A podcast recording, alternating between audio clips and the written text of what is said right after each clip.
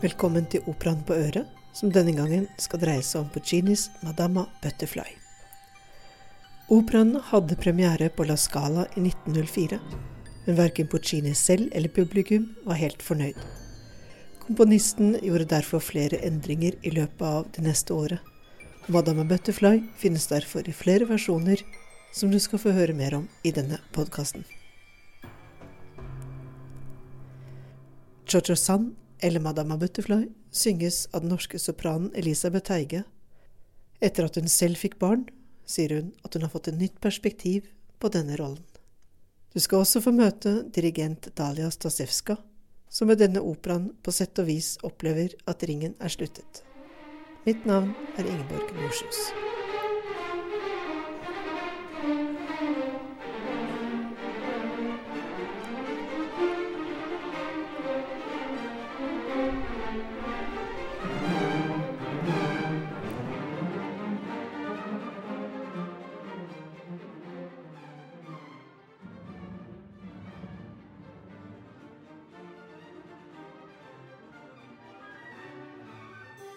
Heidi Brun Nedregård var regiassistent da Steven Langridge første gangen satte opp denne versjonen hos oss i 2012. Hun har de siste årene vært ansvarlig for gjenoppsetningen og har handlingen under huden. Det handler om en japansk geisha og en amerikansk marineoffiser som inngår et eh, slags proforma ekteskap, hvor de går inn i dette med litt ulik innsats, kan man si. Han ønsker seg et eventyr med en eh, nydelig japansk kvinne. Hun går inn i dette med hele seg. Hun skifter religion for eh, hans skyld, og tror at dette skal bringe henne til USA, som er hennes store drøm. De har noen fantastiske måneder sammen i Japan før han er nødt til å dra tilbake til USA. Han sier at han kommer tilbake, og det mener han nok, men eh, det er likevel ikke helt sånn det går. Han får nye oppdrag, og det tar lang tid før han vender tilbake. Imens så venter Butterfly. Eh, det Pinkerton ikke vet, er at eh, de har unnfanget et barn sammen. Butterfly og hennes eh, trofaste tjenestejente Sotsuki bor sammen med barnet, og de lever av de pengene som Pinkerton betaler via den amerikanske konsulen Sharpless. Og Butterfly sitter hver dag foran huset og ser etter et krigsskip i det fjerne.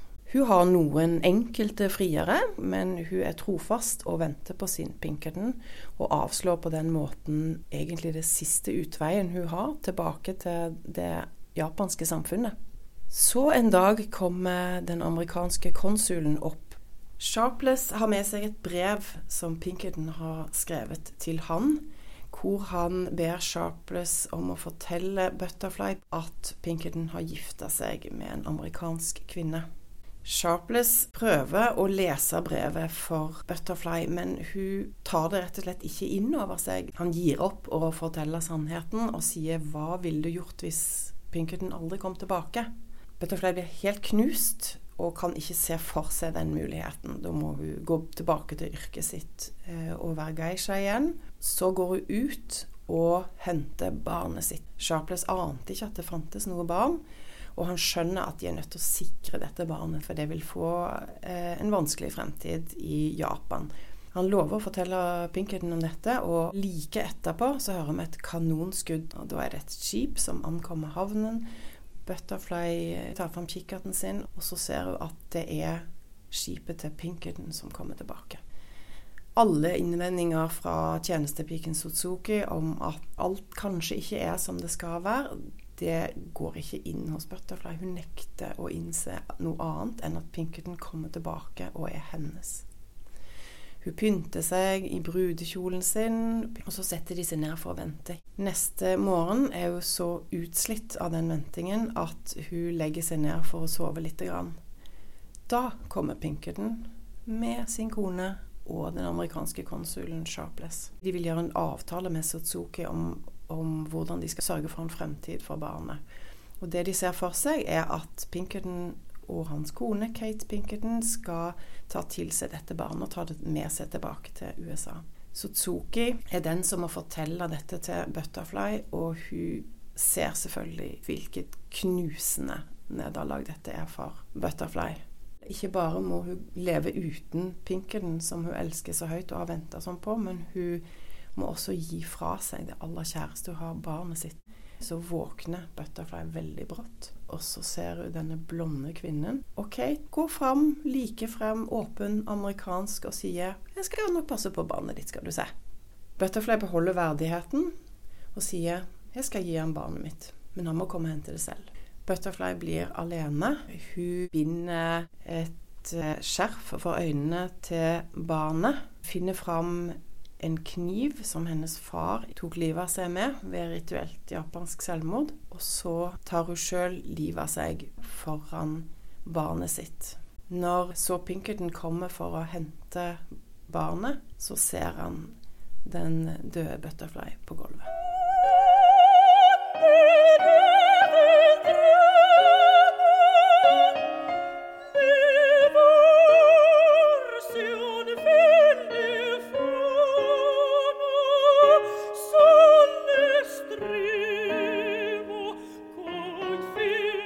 Rett etter at Elisabeth Teige var ferdig på Operahøgskolen, ble hun tilknyttet Nasjonaloperaen som solistpraktikant i to sesonger. I løpet av de siste årene har hun hatt en fantastisk internasjonal karriere, og det er ikke første gang hun står på scenen som Madama Butterfly. Det er ikke første gang, det er faktisk fjerde gang. Første gangen jeg sang den, så sang jeg den på norsk i Kristiansund. Det var så langt tilbake som i 2013. Og så i 2017 sang jeg den på Opera på Skjæret i Sverige. Og i fjor så sang jeg den i Mannheim. Dette her er jo også den litt spesielle versjonen som Jon Fjore har klippet sammen, da. Eh, så det blir liksom litt sånn nytt da. John Helme Fjore var musikksjef i Den Norske Opera og Ballett da vi første gang satte opp denne versjonen av Madama Butterfly i 2012. Han tok utgangspunkt i flere av Puccinis revisjoner av operaen, og skapte slik en ny og spesiell versjon, som han da dirigerte selv. Madame Butterfly har jo en, kanskje fem ekstra sider til sammen. Og Kate Pinkerton for eksempel, hun har jo mye mer å synge enn hun har i den vanlige versjonen. Men du har sunget uh, Kate Pinkerton ja, også? Ja, jeg sang Kate Pinkerton her i 2012. Det var det året den hadde premiere sang den på eh, andrepremieren. Men man får et perspektiv, og spesielt det her hele historien med Kate Pickerton som kommer og vil ha barnet, og George Sand som er ganske sliten og, og rett og slett en skrella løk, som jeg vil kalle det. Der. Så det er liksom en sånn fint å ha vært på begge sider, da. Men den største endringen for Elisabeth nå er at hun selv har fått barn. Og det kan faktisk vise seg å være en utfordring når hun skal stå på scenen som Madama Butterfly. Det er, det er noe helt annet å synge dine roller nå. Spesielt på slutten der. Altså, det er veldig vanskelig å ikke gråte, rett og slett. Både på øvingsrommet, med coach, eller på prøvesalen. Så jeg håper at jeg får gjort det nok på prøve før jeg skal synge forestilling. Fordi at det er rett og slett uh, veldig vanskelig å synge vakkert når man uh, gråter samtidig. Det å skulle ha en sønn sjøl nå, det er veldig, det er veldig blir for nært da, akkurat nå, liksom. Ja. Uh, jeg synger med hjertet og kanskje av og til litt for mye. Fordi at eh, det kan hende at følelser tar litt sånn overhånd. Spesielt på den her. Jeg har gjort den som sagt, det er jo fjerde gangen, og alle gangene så har jeg jo blitt veldig sånn emosjonelt involvert. da, Men det er ekstra mye denne gangen, da. Men kanskje er det nettopp det at hun virkelig synger med hjertet, som har bidratt til at hun har fått en slik blomstrende internasjonal karriere? I Mannheim har hun vært flere ganger, Dresden skal hun tilbake til, og i tillegg er en rekke nye operahus satt inn i kalenderen. Blant annet skal hun til Praha, til Hamburg og Hongkong. Og det er alt er Fidelio, så jeg skal synge veldig mye Fidelio fremover. da. Samtidig som jeg også i fremtida skal synge Senta igjen, som jeg gjorde her for første gang.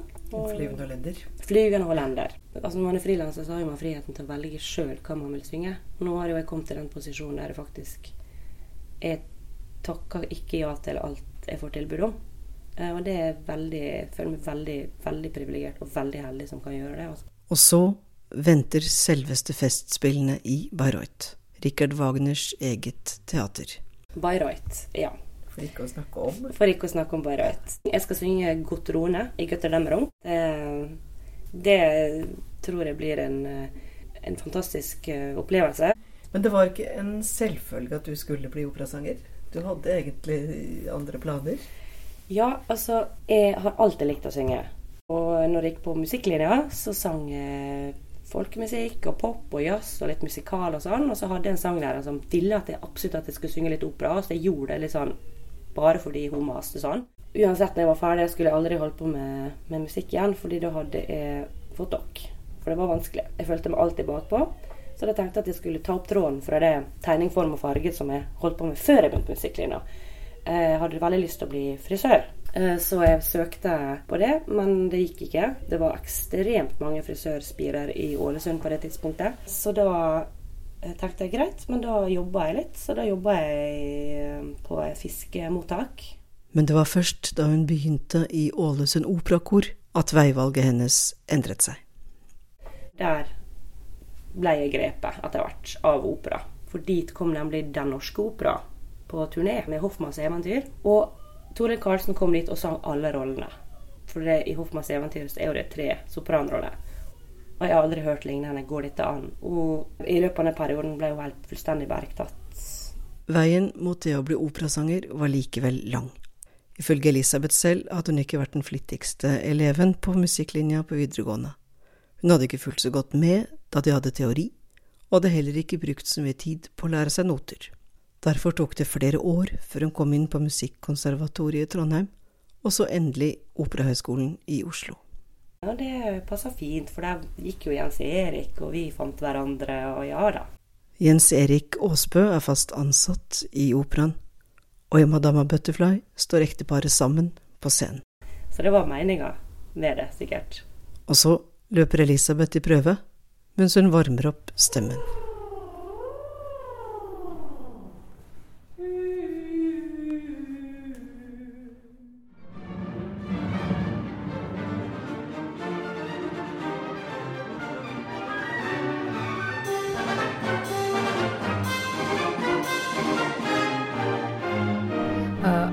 Dalia Stasevska uh, from Finland, conductor. Det er første gang Dalia dirigerer Madama Butterfly, men denne operaen har hatt en helt spesiell betydning for henne. Yes. This was for me uh, very special because my uh, musical awakening came with this piece. Uh, I think by hearing it, I kind of decided I want to become a musician. And the story went uh, like that: that I I listened to used to listen to violin music because I studied violin, and we had a very very small sweet library in uh, the conservatory where I studied in Tammerfors.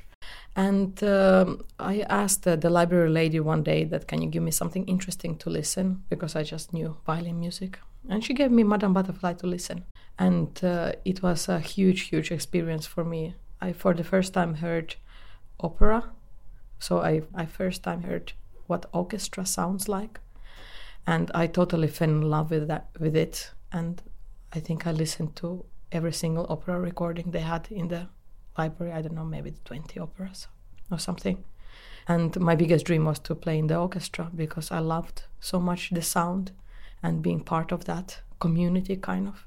Dahlia synes det er fantastisk å skulle jobbe med Madama Butterfly etter så mange år, men selvfølgelig har hun et helt annet perspektiv på den nå enn da hun var tenåring. It is very exciting because back then, of course, I didn't read the music. I just knew the libretto and just listened and looked. I was in a pre-teenage age, like 13, 14 years old.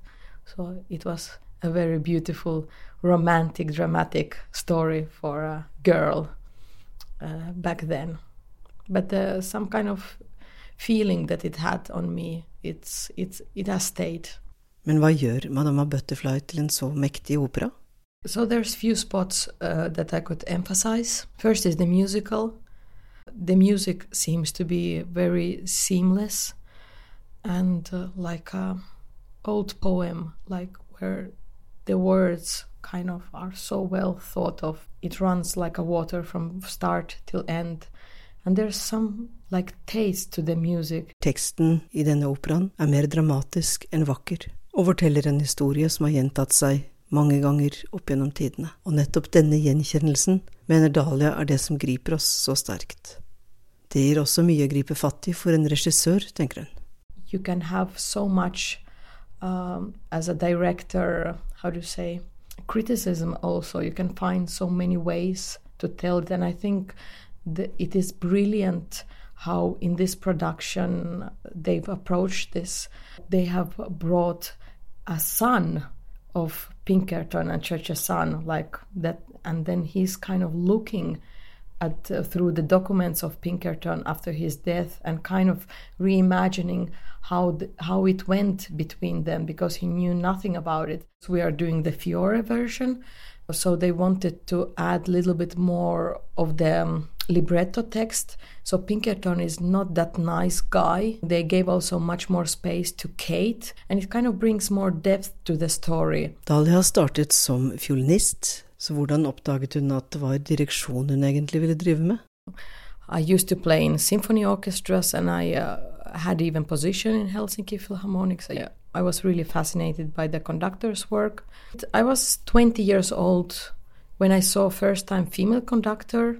I don't know, only by seeing that I somehow for the first time understood that I could do it also because there was no role models. 15 years ago it was really different world there was so little of female conductors but seeing a female conductor somehow for the first time it occurred in my mind wait a minute maybe i can do that too Et par år etter dette begynte Dahlia å videreutdanne seg til å dirigere. Slik hun ser det nå, begynte hun kanskje ubevisst å forberede seg allerede som 14-åring på at hun en dag skulle dirigere. but it seems for me so logical because I always loved orchestra as an instrument and I always had a deep love to the opera and the whole this art form and I love being part of community. And of course in the opera house you can be even more part of the community than in front of symphonical orchestra because you are just a small part of such a big uh, how do you say machine. So I'm, I'm I'm really happy that my direction went to where I am now Stadig flere kvinner står på dirigentpodiet. Er det lettere å være kvinnelig dirigent i dag enn da hun startet? Um, I think that the world has changed in the last five years enormously in a good way. But I, I must say, I never thought of myself as a as a like you know gender, what is difficult, what not. I just know my story. I had a huge passion from the day one. I picked up the baton and I knew that I want to conduct.